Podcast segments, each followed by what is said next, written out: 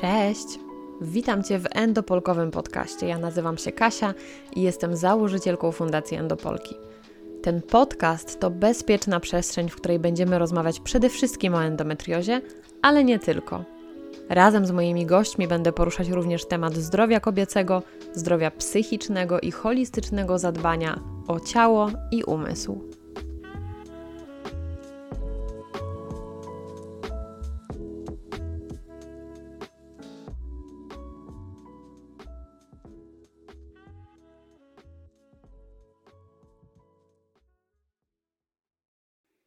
Dzień dobry.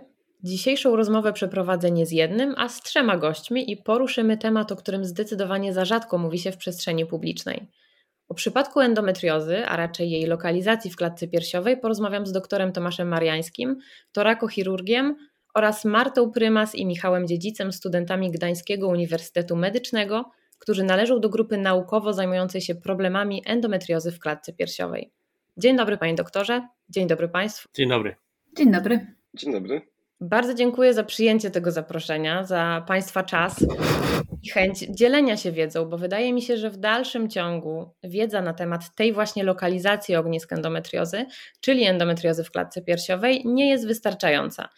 I sama przyznaję, że przygotowując się do tej rozmowy, poprosiłam o pomoc kobiety, które z endometriozą w klatce piersiowej żyją na co dzień, doświadczają takich objawów, dolegliwości bólowych i dlatego też z tego miejsca chciałabym ogromnie podziękować Weronice z Endopozytywnych, która wsparła mnie swoim doświadczeniem pacjenckim, ale też swoją wiedzą i dzięki niej dzisiejsza rozmowa ma miejsce.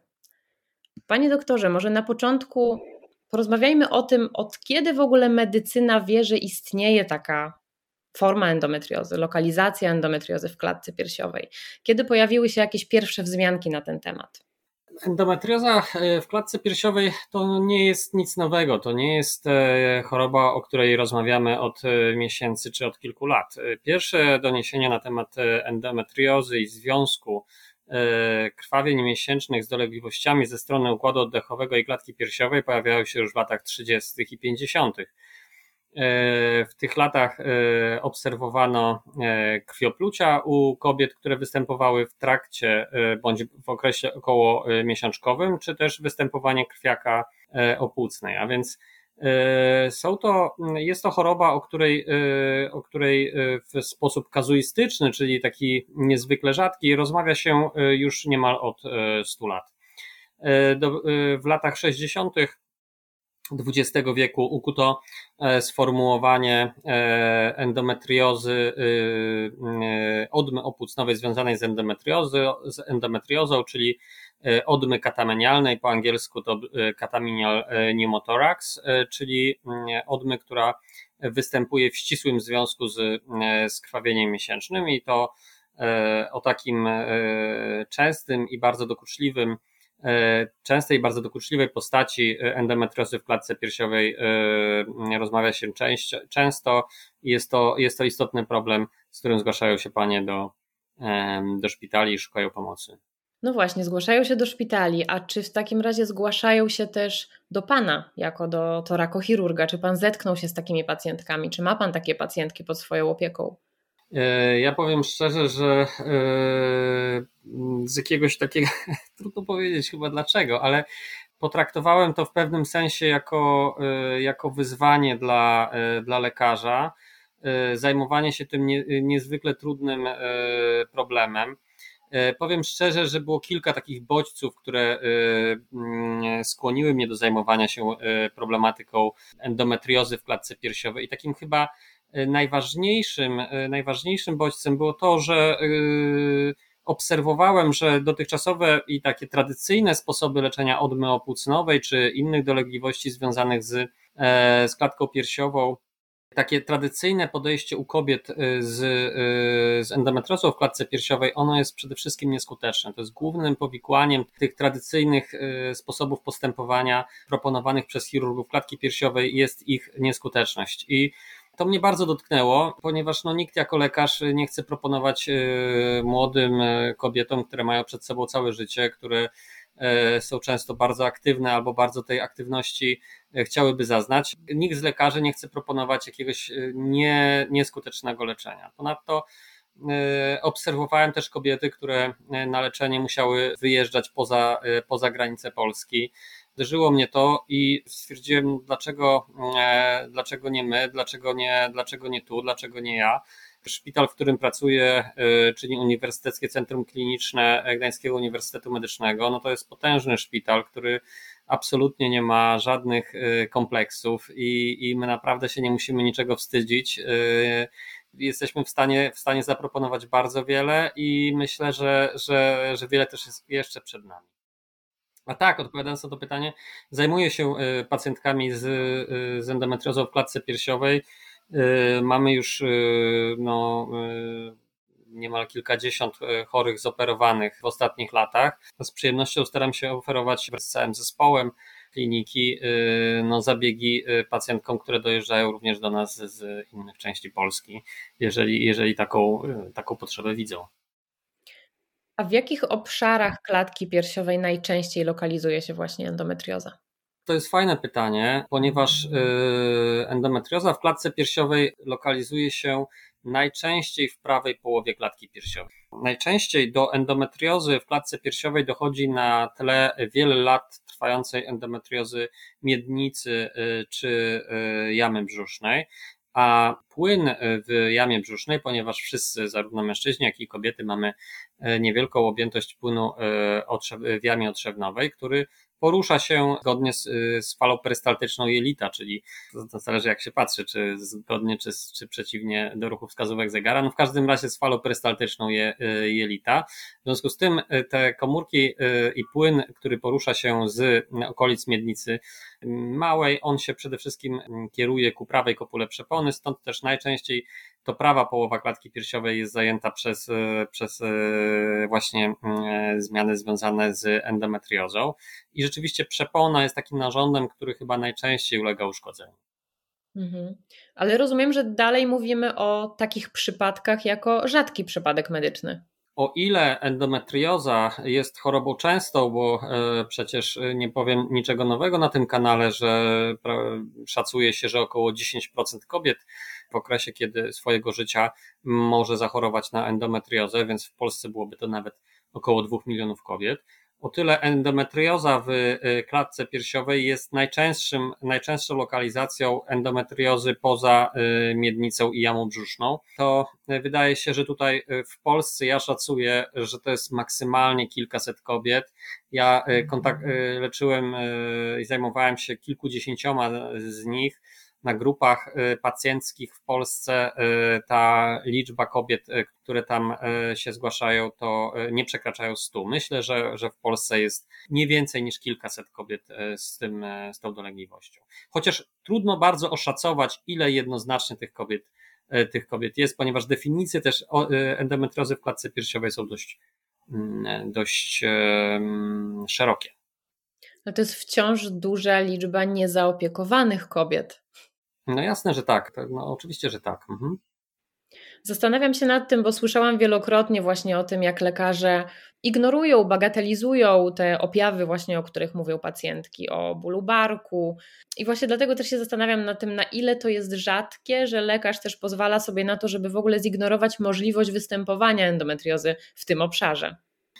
Wie Pani, to jest y, rzeczywiście, y, z jednej strony to może się wydawać oburzające, natomiast z drugiej strony y, jest grupa chorób sierocych i myślę, że tutaj endometriozę w klatce piersiowej śmiało zaliczylibyśmy do chorób sierocych. To choroba sieroca, czyli choroba, która nie ma ojca ani matki, którą się nikt nie, nie interesuje, czyli orphanage diseases. Jest cała, cała, cała jakby cały sposób podejścia do tych chorób, którymi nie jest zainteresowane, nie są zainteresowane ani e, duże agencje naukowe, ani, e, ani e, koncerny farmaceutyczne, ani politycy, ponieważ no, trudno organizować jakieś duże poparcie jakichś kampanii społecznych wokół choroby, która dotyka kilkudziesięciu czy kilkuset osób. Chociaż z drugiej strony wiele się też zmienia, bo, bo przecież neurologiczne choroby dotykające niemowląt czy noworodków to są również ultra rzadkie choroby, które jednak przebijają się do, do świadomości społeczne i znajdują finansowanie. I jakby zainteresowanie. Natomiast no, rzeczywiście no, nasza rola jest taka też, aby, e, aby informować na ten temat, aby publikować, aby podnosić świadomość również wśród, e, wśród lekarzy dotyczącą tych, e, tych rzadkich problemów. Myślę, że, że wystarczy kilku specjalistów w Polsce, żeby się temat endometriozy w klatce piersiowej zaopiekować. Myślę, że kilku w Polsce wystarczy. Natomiast świadomość, że taki problem jest i że należałoby do takich lekarzy, do takich centrów kierować, no powinna dotyczyć dziesiątek tysięcy e, lekarzy z wielu dziedzin, nie tylko z ginekologii położnictwa, ale i z ortopedii, z medycyny ratunkowej, z medycyny rodzinnej i tak dalej.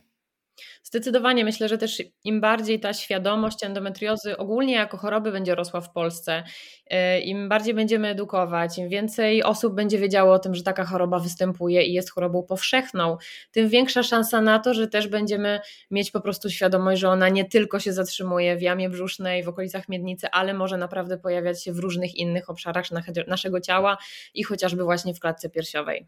Chciałabym teraz skierować e, Myślę, ciekawe pytanie do, do naszych gości, do studentów, ponieważ należycie do koła studenckiego, które powstało, by zajmować się wyłącznie problematyką endometriozy w klatce piersiowej.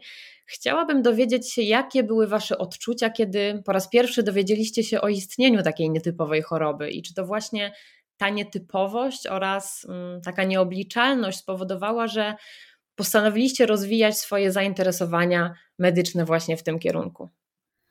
E, znaczy, tak naprawdę, jeśli chodzi o powstanie koła, to na początku mm, była taka myśl, żeby koło działało tak jak reszta kół, czyli raczej e, omawianie chorób, które występują często, tym czym się najczęściej zajmuje trakochirurgia. Jednak na pierwszym spotkaniu dr Mariański postanowił nam e, przedstawić właśnie endometriozę klatki piersiowej. I bardzo wielu studentów faktycznie to zainteresowało, mnie również, bo sama fascynacja doktora była trochę zaraźliwa.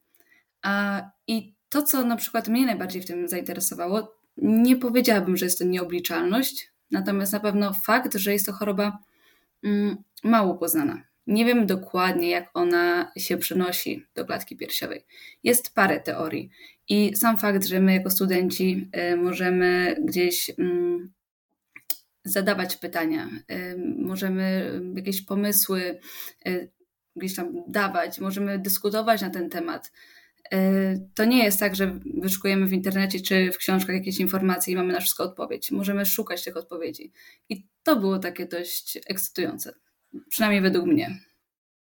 Czyli pan doktor był taką inspiracją dla Was do tego, żeby gdzieś tam szerzej zgłębiać temat endometriozy w klatce piersiowej. To na pewno, bo ja tylko w sumie doktora znam, e, jeśli chodzi o mm, lekarza, który się tym faktycznie e, tak tym zajął, więc tak. Przede wszystkim e, byłem bardzo zszokowany, że, że taka choroba istnieje. O endometriozie już słyszałem e, od dawna, ale dokładnie o e, endometriozie w klatce piersiowej usłyszałem de facto po raz pierwszy. Było to dla mnie duże zdziwienie, zważając na charakter tej choroby. Dodatkowo entuzjazm pana doktora Mariańskiego był na tyle E, duży, że e, chcąc, nie chcąc, e, sami go z Martą podłapaliśmy. I już po pierwszym spotkaniu, przynajmniej ja wiedziałem, że, że to jest obszar, w którym na pewno chciałbym się w jakiś tam sposób specjalizować. Znaczy wiecie, bo to jest też tak, że, że do jakiejś takiej działalności naukowej czy edukacyjnej, szczególnie lekarz ma ten, ten, ten taki Mm, taki, ta, ta, nasza praca jako lekarzy ma taki walor, że my jesteśmy w stanie y, napędzać się do pracy emocjami, które spotykamy na co dzień. My y, y, zderzając się z cierpieniem człowieka i widząc naszą ułomność jako ludzi, którzy są powołani, żeby pomóc, a nie jesteśmy w stanie tego zrobić w jakiś sposób skuteczny, to nas napędza, żeby E, żeby spędzać czas, żeby, na, żeby zarywać noce, starać się poszerzać własną wiedzę. Bo tak jak powiedziałem, no tutaj jak, jakiegoś innego źródła e, napędu w chorobach sierocych nie ma. Tutaj nie ma jakichś e, innych, innych argumentów, więc to jest, to jest takie wyzwanie, które w jakiś sposób uderza w nasze człowieczeństwo i to nas napędza jako lekarzy w tym takim chyba najbardziej rdzennym rozumieniu tego, kim powinien być lekarz. Myślę, że takie trudniejsze przypadki po prostu też często są atrakcyjne. Skoro coś jest niepoznane, to też pewnie jest taka wewnętrzna potrzeba, żeby po pierwsze pomóc tej osobie, bo przychodzi, tak jak nawet Pan powiedział, może setna w Polsce pacjentka, a nie tysięczna, mhm. więc prawdopodobnie szukała już pomocy w wielu gabinetach, e, więc to też pewnie gdzieś tam podbija trochę właśnie atrakcyjność i taką potrzebę znalezienia przyczyny, co się tak naprawdę dzieje, że ten pacjent cierpi.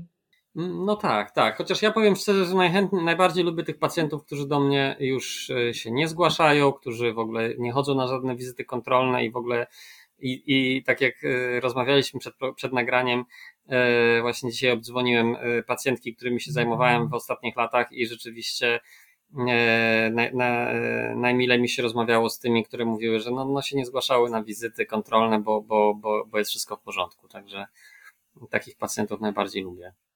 Czyli jest jakaś nadzieja. No Ale wyobraźmy sobie taką sytuację, że przychodzi do Pana nowa pacjentka. O jakich zazwyczaj objawach mówi? Które objawy mogą wskazywać na to, że właśnie ona cierpi na endometriozę w klatce piersiowej? Znaczy ja jako chirurg klatki piersiowej najczęściej spotykam się e, z dwoma grupami pacjentek. Pierwsza grupa to pacjentki z endometriozą w obrębie przepony i to są e, pacjentki, które e, uskarżają się na nawracające wiele razy w ciągu krwawienia miesięcznego bóle w okolicy międzyłopatkowej, w okolicy barku, promieniujące często do wewnętrznej części ramienia, e, bóle w, w okolicy e, karku czy kąta łopatki i rzeczywiście występowanie tego typu nasilonych, w szczególności nasilonych dolegliwości bólowych u kobiet, które mają wieloletni wywiad endometriozy. Czas występowania tych dolegliwości jest ściśle związany najczęściej z, z menstruacją, rzadziej z owulacją bardzo wskazuje na to, że w obrębie endo, y, przepony mogą być wszczepy endometrium, które nawet bardzo niewielkie bardzo bolą. Wydaje się, że liczba tych pacjentek jest niedoszacowana w Polsce, ponieważ bardzo mało osób identyfikuje tego typu dolegliwości jako dolegliwości związane z endometriozą w klatce piersiowej. Taka kobieta najczęściej usłyszy diagnozę nerwobólu i y, z taką, i z taką diagnozą y, wróci do siebie do, do domu, cierpieć dalej. Trzeba podkreślić, że wiele z tych kobiet cierpi na silne lub bardzo silne dolegliwości bólowe, nawet mm, przekraczające, my najczęściej posługujemy się skalą numeryczną. Pacjent cierpiący identyfikuje, jak, jak, jak bardzo nasilony ból czuje, no więc 40 do 60% pacjentek odczuwa ból na, między 7 a 10, to są bardzo silne dolegliwości, 10 na 10. To jest ta pierwsza grupa pacjentek, które, które się do mnie zgłaszają. Druga grupa pacjentek to są, y, i te pacjentki rzeczywiście y, mamy problemy z, y, z leczeniem ich. To jest, to, to jest dłuższy temat, który mnie szczególnie, szczególnie boli, ponieważ zdaję sobie sprawę, że, że nie doszacowujemy skali tego, tego problemu. Druga grupa pacjentek, z którymi się, z którymi się spotykam, to pacjentki z odmą opłucnową związaną z miesiączką i to są pacjentki, które, które przy, przynajmniej przy pierwszych epizodach odmy niemal wszystkie będą wymagały leczenia szpitalnego, leczenia specjalistycznego e, i rzeczywiście występowanie nawracającej odmy opłucnowej w okresie, w okresie miesiączki to taki bardzo, bardzo klasyczny objaw endometriozy w klatce piersiowej. Ten objaw rzeczywiście brzmi zatrważająco. Nie wyobrażam sobie takiej sytuacji, żeby przy każdej miesiączce pojawiała się konieczność przebywania w szpitalu, bo podejrzewam, że jest to sytuacja zagrażająca życiu. Znaczy się, to jest sytuacja, która może zagrażać życiu yy, i na pewno nie należy jej bagatelizować. Część kobiet ma objawy, które występują co miesiączkę, część rzadziej, na przykład raz w roku, raz na dwa lata, czy, czy co kilka miesięcy. Tutaj yy, rzeczywiście kobiet, które, które mają miesiączkę, yy, które mają odmę miesiączkę w miesiączkę, to jest rzeczywiście no, bardzo niewiele, tak ciężko chorujących. E, jednak się to, e, jednak się to zdarza. No jest to, powiedzmy sobie szczerze, że jest to e, pewien rodzaj inwalidztwa. Zdecydowanie, ale mimo wszystko, jak słyszę o tym objawie, to jakoś on się łączy z tą klatką piersiową. A jak pan powiedział o bólu w łopatce, to już jest taki niespecyficzny objaw. Nie połączyłabym raczej tego z, z endometriozą, która jest zlokalizowana w klatce piersiowej. Czy są jeszcze jakieś objawy, które Państwa najbardziej zaskoczyły? Mnie to jest właśnie to, co teraz e, doktor opowiada i pani też e, opowiadali, właśnie ta odma. I tak naprawdę, jak zaczęłam o tym czytać, i trzeba było faktycznie gdzieś tam sobie wyobrazić taką zmianę na, na opłucnej, która reaguje na cykl miesiączkowy tak samo jak nasze endometrium w macicy i żeby to połączyć, no to dla mnie to na przykład było najbardziej szokujące, ale też uważam, że łatwo teraz zrozumieć, dlaczego ta choroba jest często długo diagnozowana, bo uważam, że takie objawy naprawdę nie są specyficzne. Y, no, na studiach raczej o takich chorobach sierocych też się nie opowiada, więc większość lekarzy po prostu nie ma, nie ma o tym pojęcia, a jednak taka pacjentka musi co jakiś czas borykać się z takim problemem, więc to też jest stresujące i bardzo, bardzo obciążające na pewno. Mm, objawem, który zaskoczył mnie najbardziej, było zdecydowanie mm, comiesięczne krwioplucie. Po angielsku to będzie catamenial hemoptysis. E, z tego względu, że nie sądziłem, że istnieje połączenie między cyklem miesięcznym kobiety a, e, a samym krwiopluciem. Dodatkowo mm, jest to na tyle e, trudny, ciężki dla samej pacjentki objaw, bardzo niewygodny, że e, mając świadomość występowania tego co miesiąc, jest dla mnie co najmniej przerażająca i na pewno e, chciałbym się nad tym trochę głębiej zastanowić i, że tak powiem, znaleźć możliwie najlepszy sposób, żeby pomóc tym pacjentkom. Dlatego też ja będę ko y, kolejny raz bronił moich kolegów, że, y, którzy, którzy tych, o tych chorobach nie słyszeli, ponieważ no, o rzadkich chorobach rzeczywiście trudno jest, trudno jest jakby no, i panią Martę i Michała, którzy, którzy, którzy mnie tutaj słuchają, jako, ja jako nauczyciel akademicki, wy jako studenci zdajecie sobie sprawę, że tych chorób, o których, y, o których mało kto słyszał, trudno je w głowie pomieścić, a przecież one dotyczą każdego narządu, każdego, literalnie każdego narządu. Stąd też ta wspaniała rola i, i nasze zaangażowanie również w ten dzisiejszy podcast, bo y, my możemy w XXI wieku y, w bardzo prosty sposób wyszukać y, takie, takie objawy w internecie. Wujek czy doktor Google wcale nie jest zły, jeżeli się go używa w odpowiednim celu. I y, nakierowanie się na przykład na taki podcast y, to świetna, to świetna informacja dla, dla pacjentek, które mogą y, raz, że uzyskać jakąś informację, dwa, nakierować jakoś się na jakiś tam tor diagnostyczno-leczniczy i, i, i, i później kontynuować to leczenie już w gabinecie lekarskim, nie, nie przed ekranem komputera. Dlatego ja też gratuluję pani Katarzynie naprawdę takiej no, dobrej, dobrej pracy u podstaw, która bardzo wartościowa i której należy ze wszechmiar przyklasnąć. Bardzo dziękuję Panie doktorze za te słowa. Nie ukrywam, że każda taka rozmowa ze specjalistą budzi we mnie też taką nadzieję, że może akurat usłyszy tę rozmowę osoba, która właśnie tych dolegliwości doświadcza codziennie i, i nie łączy ich nawet z endometriozą. I dzięki temu, że chociażby posłucha dzisiejszej rozmowy, to może gdzieś właśnie ta lampka się w głowie zapali i pomyśli, że może warto byłoby pójść w tą diagnostykę endometriozy w klatce piersiowej.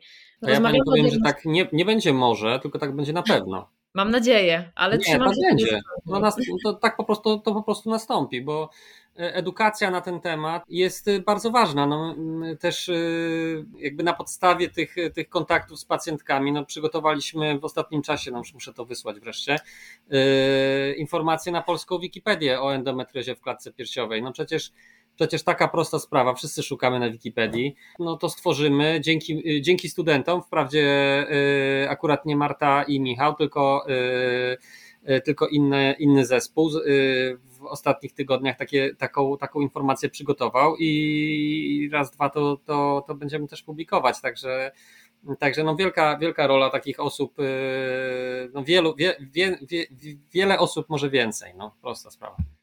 Tak, zdecydowanie. Plus też chyba musimy korzystać właśnie z tych możliwości, które mamy teraz. Możemy prowadzić blogi, prowadzić podcasty, różne live'y na Instagramie, w mediach społecznościowych, więc naprawdę jest to e, źródło wiedzy, można powiedzieć, w tym momencie już takiej rzetelnej.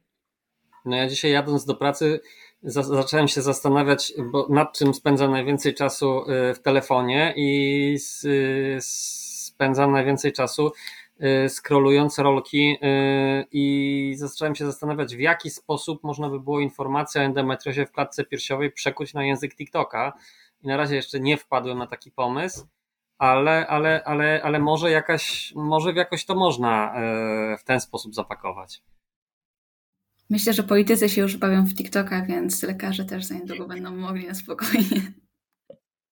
Zdecydowanie, jeszcze jak w to zaangażujemy pacjentki, y, kobiety, które doświadczają tych dolegliwości, to myślę, że znajdą tutaj kilkadziesiąt sposobów na to, jak przekazać obrazowo to, jak się w tym czasie czują.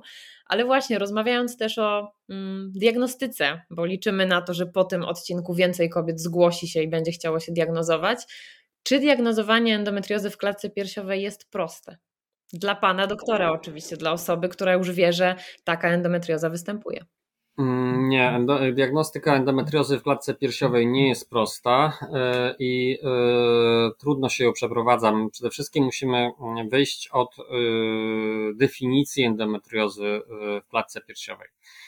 O ile endometrioza w obrębie jamy brzusznej czy miednicy z reguły jest bardzo, bardzo jest łatwa, względnie łatwa do, do diagnostyki, czy drogą metod obrazowych, takich jak rezonans magnetyczny, czy ultrasonografia, bądź też jeżeli już dojdzie do zabiegu operacyjnego, z reguły ginekolog operujący taką pacjentkę obserwuje znacznych rozmiarów zmiany w licznych miejscach e, miednicy małej czy otrzewnej. O tyle e, w obrębie klatki piersiowej my bardzo rzadko znajdujemy zmiany większe niż kilka czy kilkanaście milimetrów, które jesteśmy w stanie usunąć i w których, jest, i w których jednoznacznie stwierdzamy cechy mikroskopowe endometriozy w klatce piersiowej, a więc rozpoznanie mikroskopowe endometriozy w klatce piersiowej nie jest częste, E, i, e, i nie zawsze, nie, nie u każdej pacjentki jest stawiane.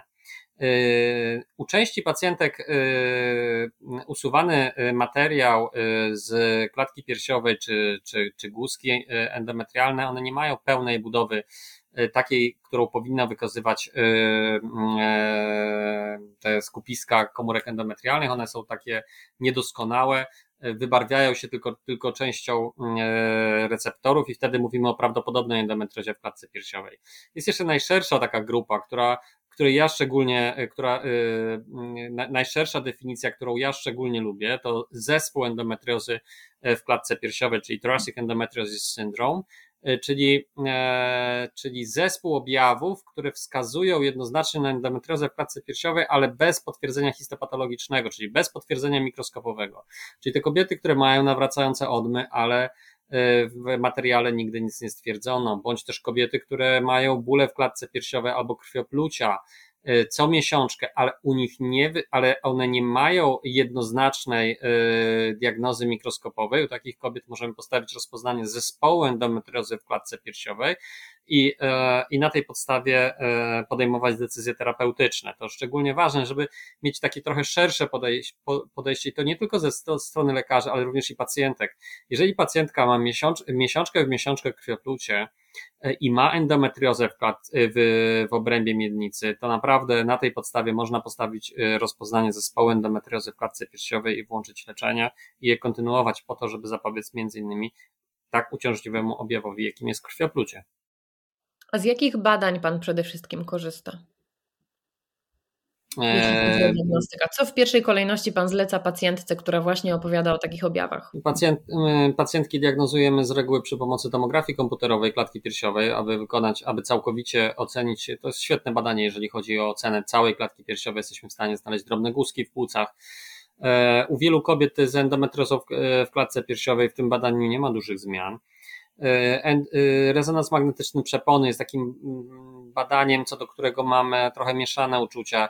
To jest świetne, świetne narzędzie, żeby obrazować przeponę, natomiast e, rzeczywiście u dużej części kobiet z endometriozą w klatce piersiowej i endometriozą przepony te zmiany na przeponie są tak minimalne, że one nie, że nie, ma, nie widzimy tutaj jedno, y, jednoznacznych, jednoznacznych zmian w rezonansie. Badanie ultrasonograficzne jest mało przydatne, akurat jeżeli chodzi o endometriozę w klatce piersiowej.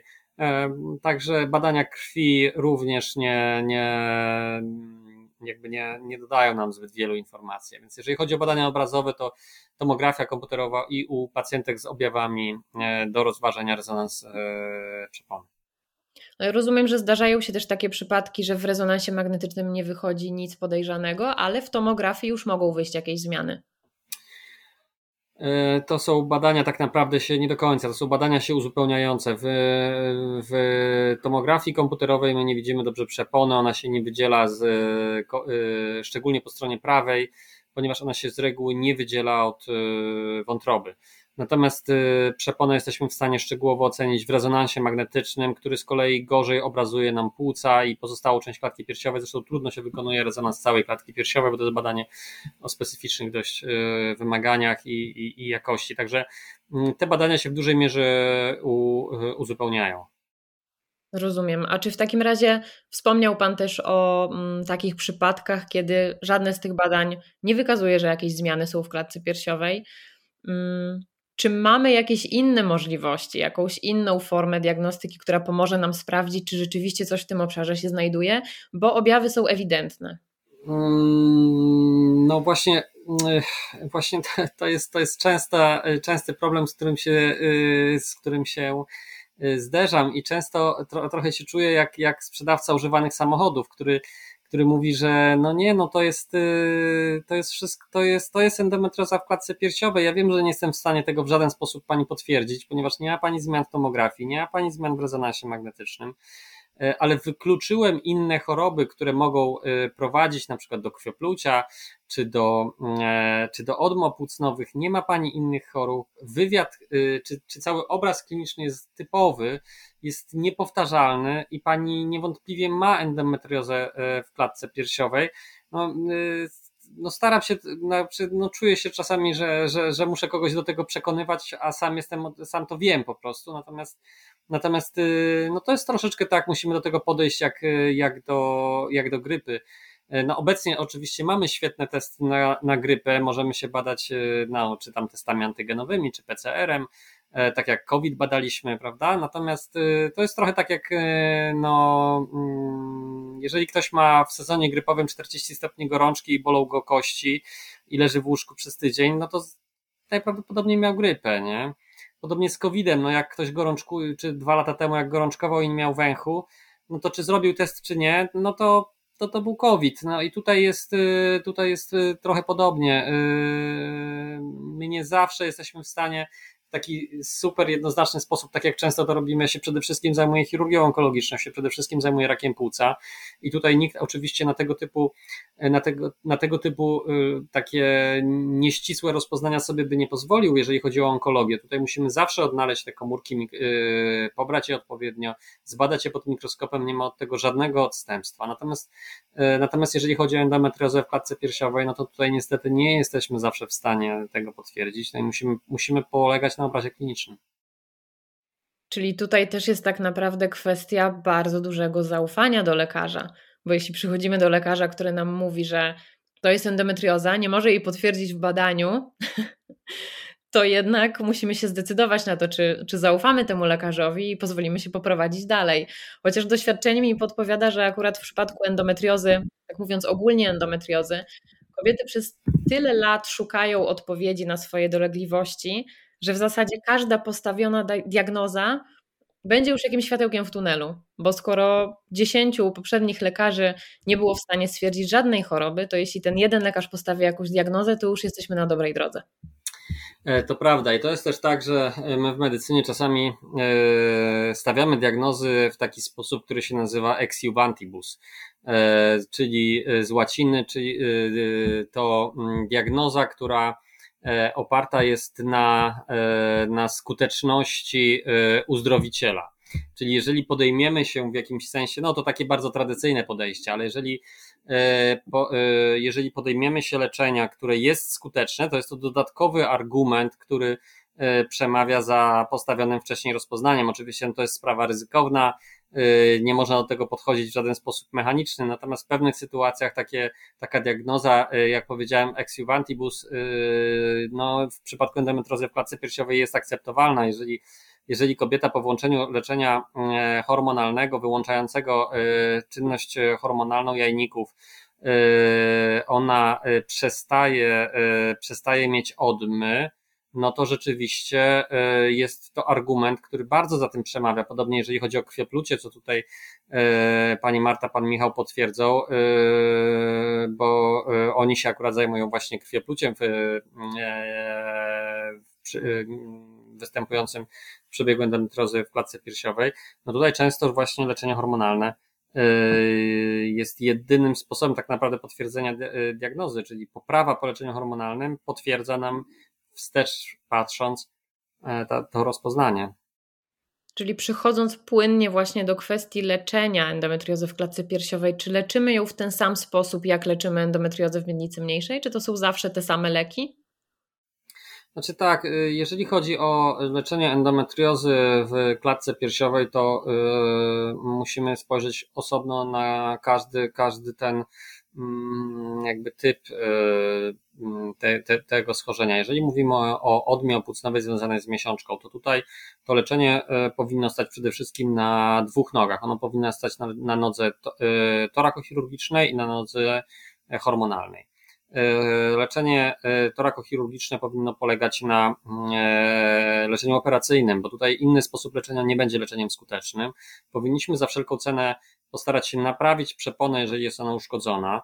Powinniśmy poszukać w klatce piersiowej ewentualnych ognisk, gdzie może występować endometrioza i je usunąć oraz zapobiec powstawaniu odmy e, w przyszłości, jeżeli by się, e, czyli do, do jakby wyprodukować maksymalną ilość wzrostów w środku w klatce piersiowej, po to, żeby jeżeli dojdzie jeszcze kiedyś do zasiedlenia się jakichś ognisk endometriozy e, do płuca, żeby ta, e, żeby te, e, żeby to, e, gdyby, gdyby do odmy za kilka lat znowu miało dojść, to żeby ona się nie miała gdzie pojawić, więc my, więc my w ten sposób zabezpieczamy przed odmami w przyszłości. Drugi, drugą nogą, na której stoi leczenie endometriozy, y, odmy związanej z endometriozą jest noga hormonalna. Kobieta po leczeniu powinna przyjmować te same leki, które zaleca endokryn, ginekolog czy ginekolog endokrynolog, y, powinna przyjmować te same leki przez okres 6-12 miesięcy. Część kobiet, y, część kobiet będzie te, te leki przyjmowała no tak przez, przez, przez lata y, po to, żeby zapobiec nawrotom odmy. I w, tym, w ten, ten sposób leczenia uważam, że jest skuteczny i pozwalał wielu kobiet,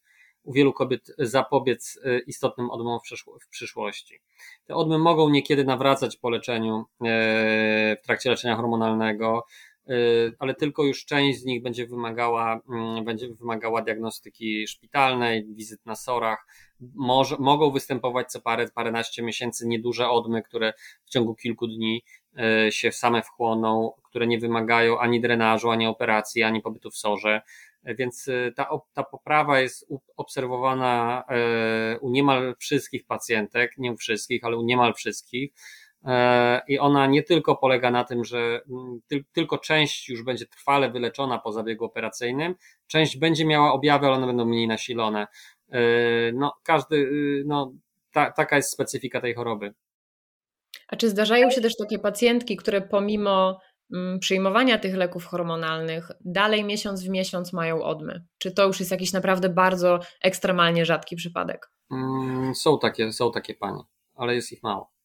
No też, y, też y, jakby no to, to, to, to, to jakby codzienność każdej kobiety zmagającej się z endometriozą, no to są kobiety, które mają przeciwwskazania do leczenia hormonalnego, bądź które nie chcą przyjmować leczenia hormonalnego przede wszystkim ze względu na plany związane z zajściem w ciążę. No w tych sytuacjach w tych sytuacjach yy, to mm, no, liczymy się z częstszym ryzykiem nawrotów, no i musimy się z tym borykać jakoś. A jeśli rozmawiamy właśnie o operacjach, y, bo Pan też takie operacje wykonuje, czy zdarza się, że te operacje są wykonywane w takim y, interdyscyplinarnym zespole, gdzie bierze udział też y, ginekolog, gdzie są inni lekarze i czy w ogóle jest tutaj szansa, żeby podczas jednej operacji usunąć wszystkie zmiany endometrialne, które są w ciele kobiety? Czy raczej musimy to podzielić powiedzmy na, na obszary ciała? No, że tak powinno być. E, że to jest trudne wyzwanie i to, że, pań, to, że się tak spotykamy i że pacjentki do mnie się zwracają e, z takimi prośbami mm, e, i że my tutaj rozmawiamy na, na temat te, tego typu zabiegów, to jest, to jest właściwa droga i i to się z czasem też wydarzy, myślę, i mm, no, rozma- przedwczoraj na ten temat jeszcze rozmawiałem e, z kolegą z kliniki chirurgii ogólnej, e, żeby, żeby tego typu mm, diagnostykę, jeżeli chodzi o czy leczenie przede wszystkim endometriozy w obrębie przepony e, prowadzić, ale to jest jeszcze wszystko troszeczkę to jest wszystko troszeczkę jeszcze nie, nierealizowane. Musimy sobie zdawać sprawę z jednej, z jednej, z jednej sprawy, że to nie chodzi tylko i wyłącznie o, o zebranie zespołu specjalistów przy jednym stole operacyjnym, bo to jest oczywiście, to jest oczywiście do zrealizowania, tylko że musimy sobie zdawać sprawę, że jeżeli kobieta jest leczona z powodu endometriozy w obrębie e, miednicy małej e, i, to, i, jest to, i przechodzi wielogodzinny zabieg operacyjny związany z, z częściową resekcją jelita, z, często z wyłonieniem stomi, z uwolnieniem moczowodów, e, z uwolnieniem nerwów, z resekcją częściową pęcherza, i e, tak, bo takie zabiegi są, są w Polsce przeprowadzane i, i, i to, to, e, to wiemy. Natomiast i z powodzeniem i czy, czy we Wrocławiu, w Medikusie, czy w innych miejscach w Polsce oczywiście. Natomiast natomiast taki zabieg, jeżeli on trwa 5-7 godzin, to, to rozszerzanie tego zabiegu o kolejną jamę ciała, E, stanowi, e, podnosi ryzyko zabiegu operacyjnego u pacjentki. I z jednej strony, e, z jednej strony my nie możemy jednoznacznie powiedzieć, że każdy tego typu zabieg operacyjny powinien być przeprowadzany jedno, jednocześnie w, zarówno w miednicy, w jamie brzusznej czy w otrzewnej, w okolicy i w okolicy na przykład prawej jamy opłucnej. Często rozległość takiego zabiegu zdecydowanie zwiększałaby ryzyko okołooperacyjne, E, i potencjalizowała to ryzyko okołooperacyjne. A więc to nie chodzi zawsze tylko i wyłącznie o zebranie się kilku specjalistów przy jednym stole, czy zorganizowanie sali operacyjnej, jakiejś tam opieki pooperacyjnej nad tą pacjentką. To nie zawsze chodzi tylko o to. To często chodzi o to, to, to również chodzi o, o ryzyko operacji, które w przypadku tych niezwykle rozległych i skomplikowanych zabiegów wykonywanych przez ginekologów i chirurgów ogólnych, ono może być dodatkowo bardzo podniesione przez, przez dodatkową ingerencję w klatce piersiowej. I w tej sytuacji te zabiegi często byśmy łączyli. My tego typu zabiegi łą, yy, wykonujemy niekiedy, czy z kardiochirurgami, czy z chirurgami ogólnymi dotyczące innych chorób, natomiast trzeba sobie zdawać sprawę, że mm, tutaj już zaczynamy, zaczynamy, zaczynamy wchodzić w trudne tematy yy, chirurgiczne yy, związane z, z częstością powikłań pooperacyjnych. Rozumiem. A czy w takim razie są na świecie takie miejsca, kliniki, zespół lekarzy, którzy podejmują się takich operacji? No y, tak, są takie miejsca y, w Stanach Zjednoczonych, y, ale mm, no to jest tak, że, to, że endometrioza w klatce piersiowej jest taką chorobą na, na styku, jak powiedział taki kiedyś, mówi się o tym, że to powiedziane zostało przez oficera w trakcie I wojny światowej, że największe bitwy wydarzają się zawsze na styku dwóch map. I tutaj to jest taki trochę styk dwóch map, gdzie, gdzie my z chirurgami czy z ginekologami y, nie mamy jako chirurdzy klatki piersiowej żadnych wspólnych y, tematów poza tym tematem tej bardzo rzadkiej choroby, jaką jest endometrioza w klatce piersiowej. Mm, no i ja ze swojej strony no, deklaruję, że tego typu zabiegi będą realizowane i my będziemy parli do tego, y, do, do tych zabiegów. Natomiast no, na, razie, na, na razie w Polsce takiego miejsca nie ma ale też y, no, no, no bardzo bym chciał, żeby ktoś, y, ktoś mnie też wyprzedził organizacyjnie. Y, I, I może to, może to nastąpi, ale to, to mówię, to jest, to jest, to jest dość, dość wielowymiarowy problem. Na pewno skomplikowana kwestia, ale nie pozostaje mi nic innego, jak życzyć i panu, i pacjentkom, kobietom z endometriozą w klatce piersiowej, żeby takie operacje były wykonywane, bo podejrzewam, że to jest też um, Zapewne jakieś utrudnienie, też narażanie na kolejną operację, to wszystko też sprawia, że mm, ciężko się zarządza takim życiem w chorobie. Niewątpliwie. Gdy mamy świadomość, że kolejna operacja nas czeka, to po prostu burzy to też jakąś naszą codzienność. Mm, z tego co wiem, pan doktor też się bardzo chętnie angażuje w różnego rodzaju warsztaty, rozmowy z kobietami, które też założyły taką grupę, grupa Atmosfera. E, jest to grupa, która skupia największą liczbę, jak na ten przypadek choroby, osób cierpiących na endometriozę w klatce piersiowej. Mm, są to kobiety, które pochodzą z różnych stron Polski i miał Pan okazję wraz ze swoim zespołem dzięki tej grupie przeprowadzić ankietę. Ankieta dotyczyła chorowania, leczenia, jakości życia kobiet chorujących e, właśnie na endometriozę klatki piersiowej. Czego się Pan dowiedział podczas y, tworzenia tej ankiety, podczas czytania odpowiedzi? Tak naprawdę, czego się Pan dowiedział dzięki tej grupie, dzięki grupie tych kobiet? Jak wygląda w ogóle życie chorych kobiet na, na właśnie endometriozę klatki piersiowej?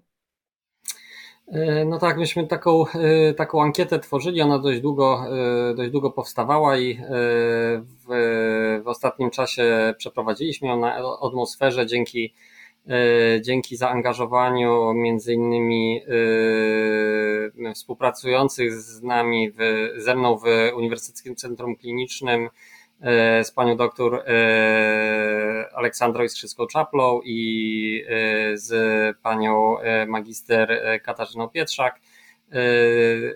Ankieta dotycząca mm, w pewnym sensie jakości życia kobiet z endometriozą w klatce piersiowej. No takimi, mm, takimi sprawami, które, które, które wypłynęły z tej ankiety, były, to się przewijało wielokrotnie w czasie tego, o czym, o czym rozmawialiśmy. Już w dniu dzisiejszym, to znaczy ta, to, ta siła, ta, to nasilenie bólów e, w klatce piersiowej, to że, że prawdopodobnie bóle w klatce piersiowej są dużo częstszym objawem endometriozy w obrębie e, klatki piersiowej niż występowanie odm.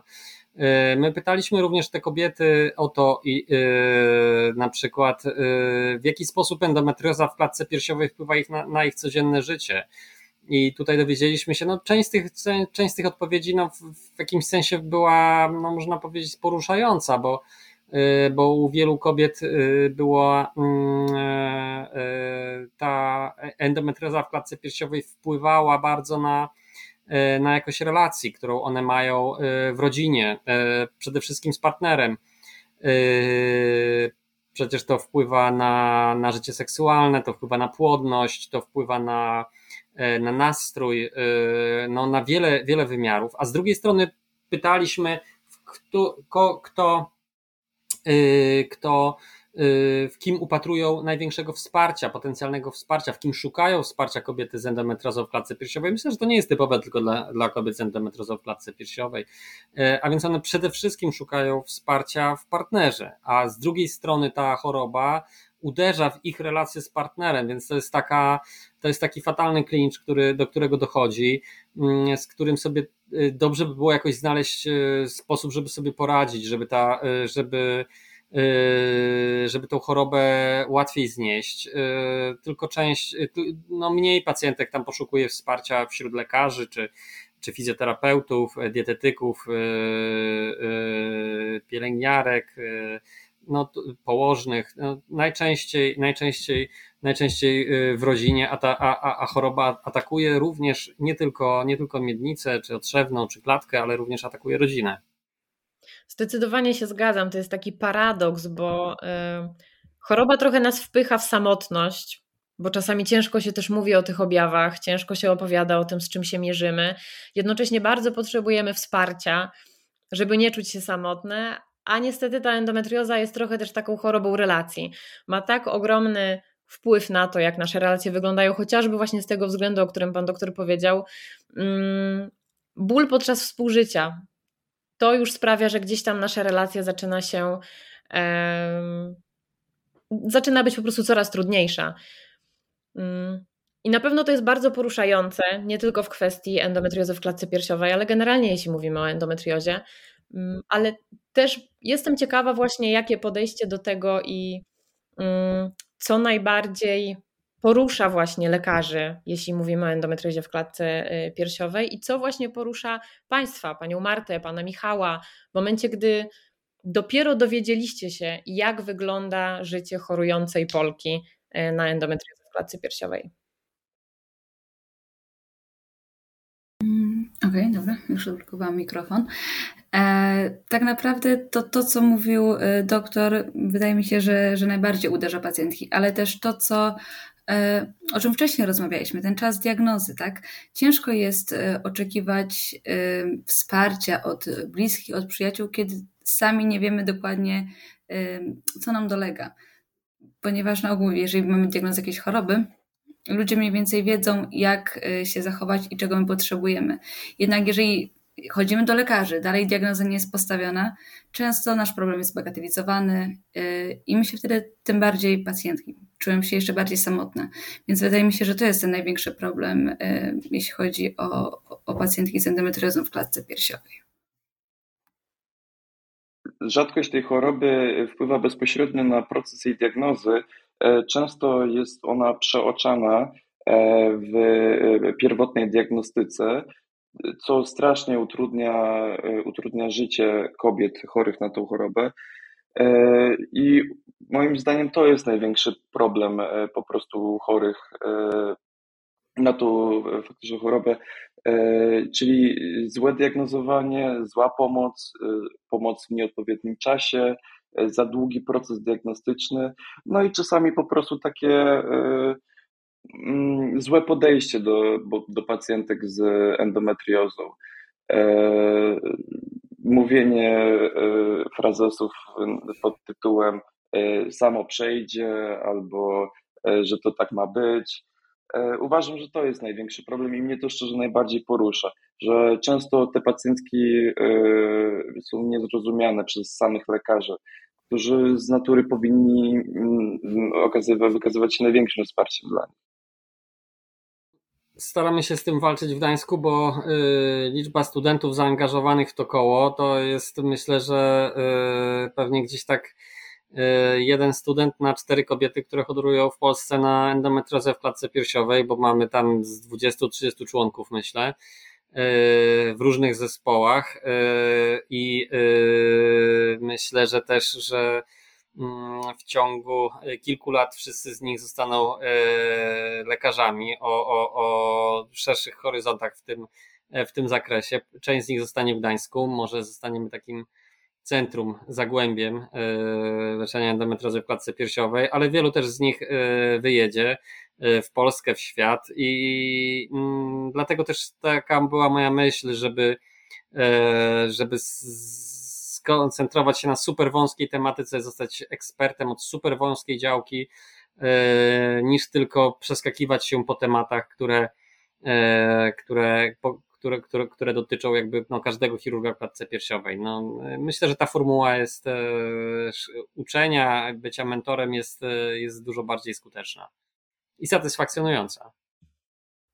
W takim razie, jak na Państwa patrzę, to, to widzę chyba przyszłość tutaj polskiej medycyny. Przede wszystkim, jak patrzę właśnie na Panią Martę, na Pana Michała, to mam ogromną nadzieję, że do takich lekarzy będą trafiały przyszłe pokolenia kobiet z endometriozą, przyszłe pokolenia endopolek, bo mm, moje doświadczenia, moje obserwacje mi tutaj bardzo silnie podpowiadają, że niezależnie od tego, gdzie endometrioza jest zlokalizowana, spotykamy się z tymi samymi tak naprawdę problemami na starcie, jeśli chodzi o diagnozę.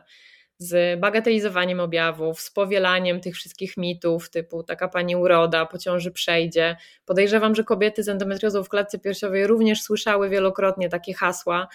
Mm, I tutaj chyba nie ma tak naprawdę ani lepszej, ani gorszej sytuacji, mm, niezależnie od tego, gdzie ta endometrioza znalazła sobie miejsce w naszym ciele po prostu świadomość jest na tyle, świadomość tej choroby jest na tyle jeszcze niska, że jeśli z każdym rokiem coraz więcej lekarzy ginekologów dowie się w ogóle o tym, jak diagnozować endometriozę, to to też na pewno przybliży mm, te kobiety do otrzymywania diagnozy endometriozy w klatce piersiowej. Jednak tutaj chyba metoda małych kroków i tej edukacji od podstaw będzie, mm, będzie dawała jakieś szanse na szybszą diagnostykę. Zgodzę się z panią, a i musimy też zdawać sobie sprawę, że my za kilkanaście lat przestaniemy o tym mówić, że endometrioza się rozpoznaje długotrwale, że endometriozę w klatce piersiowej jest trudno rozpoznać, ponieważ ja zacząłem studia w 98 roku. Tomografia komputerowa e, w Gdańsku to była to było badanie trudno dostępne, rezonans raczkował. E, badanie ultrasonograficzne e, było badaniem bardzo, bardzo mało doskonałym. W tej chwili, w ciągu 20 lat, y, to się wszystko bardzo, bardzo zmieniło. Mamy doskonałe metody, które stale ewoluują. Y, postęp tego jest, jest niewyobrażalny. Y, studenci już na studiach uczą się wykonywać badania ultrasonograficzne i stają się w tym coraz biegli. Dla nich w tej chwili z niezłej klasy aparat ultrasonograficzny można za, można połączyć ze swoim telefonem komórkowym i wykonywać badania gdzie się chce. Więc no, y, ja myślę, że my też mamy, nie możemy być stale jakby obarczeni tym, że kiedyś się trudno diagnozowało endometriozę. Postęp jest ogromny, dostępność jest coraz większa, można utyskiwać na służbę zdrowia publiczną w Polsce i oczywiście sam też czasem utyskuję. Natomiast, y, natomiast coraz więcej badań jest coraz bardziej dostępnych. Wiele z nich jest bez, znaczy się one są bezpłatne i coraz, wiele z nich jest coraz bardziej dostępne, na przykład tomografia komputerowa, do której dostęp w tej chwili jest praktycznie nielimitowany, można w ciągu czasem trzeba trochę poczekać na, na, na opis tego badania, ale, ale badanie można mieć wykonane w ciągu dwóch, trzech, czterech tygodni i, i no nie, ma, nie, ma, nie ma problemu z dostępnością na przykład tego badania, które jest podstawowym pierwszego rzutu badaniem, jeżeli chodzi o, jeżeli chodzi o moją, moją, moją działkę i to jest, to jest pewna to jest pewien jakby no, no obraz naszych czasów, które, no, na które nie, nie trzeba aż zawsze tak bardzo może, yy, które nie wyglądają tak źle. No dobra, już, już nie mówię. No. Yy, cudownie nie jest, ale, ale nie jest też, też, też jakoś super fatalnie. Nie? Cudownie nie jest, ale cieszę się, że też taką trudną rozmowę, bo niewątpliwie jest to trudny temat, kończymy takim pozytywnym przesłaniem. Jednak i państwa zespół, y, i lekarze, generalnie lekarze w Polsce, którzy specjalizują się w leczeniu endometriozy, wspólnie dążycie do tego, żeby ta diagnostyka była szybsza, żeby pacjentki szybciej otrzymywały pomoc. I tego też Państwu życzę, aby technologicznie było to bardziej możliwe, aby coraz więcej kobiet trafiało od razu do takich specjalistów i do przyszłych specjalistów, bo wierzę mocno w to, że pani Marta, pan Michał też kiedyś takimi specjalistami będą. I prawda jest taka, że chyba wszyscy gramy do jednej bramki. Więc bardzo dziękuję Państwu za dzisiejszą rozmowę. Dziękuję za czas, za zaangażowanie. E, I myślę, że szczerze mogę powiedzieć, że w imieniu wszystkich endopolek dziękuję za to, że e, Państwo chcą swoje działania kierować właśnie w tym kierunku i pomagać kobietom z endometriozą. Również bardzo dziękujemy za zaproszenie. Tutaj doktor, ja jeszcze też podziękuję, że o nas pomyślał, bo to też bardzo jest e, przyjemne i fajne doświadczenie tutaj wystąpić. Dziękuję uprzejmie, to była ogromna przyjemność móc uczestniczyć e, w takim projekcie, szczególnie, że to jest e, mój pierwszy raz w podcaście. Szczególnie chciałbym podziękować panu doktorowi, który sprawił, że to wszystko stało się faktem. Jest to dla nas na pewno z Martą e, bardzo nobilitujące i e, przez to na pewno będziemy chcieli tylko jeszcze mocniej zgłębiać temat. Fajnie to wyszło i, i yy, no, dzięki za tą rozmowę. Fajna, miło minęła ta godzinka. Mam nadzieję, że, że, że panie nas słuchacie, może panowie, yy, i że dotrwaliście do tego punktu. Bardzo dziękujemy i mamy nadzieję, że jeszcze do usłyszenia. Jest mi bardzo miło, że zechciałaś, zechciałeś spędzić swój czas słuchając tego odcinka. Jeśli treści przekazywane w tym podcaście są dla Ciebie ważne, zachęcam do przestrzeni Patronite, gdzie możesz wesprzeć Fundację Endopolki. A jeśli o wsparciu mowa, to z tego miejsca chciałabym ogromnie podziękować patronkom i patronom fundacji, dzięki którym powstał ten podcast. Mam nadzieję, że czujecie się jego częścią. Do usłyszenia za tydzień.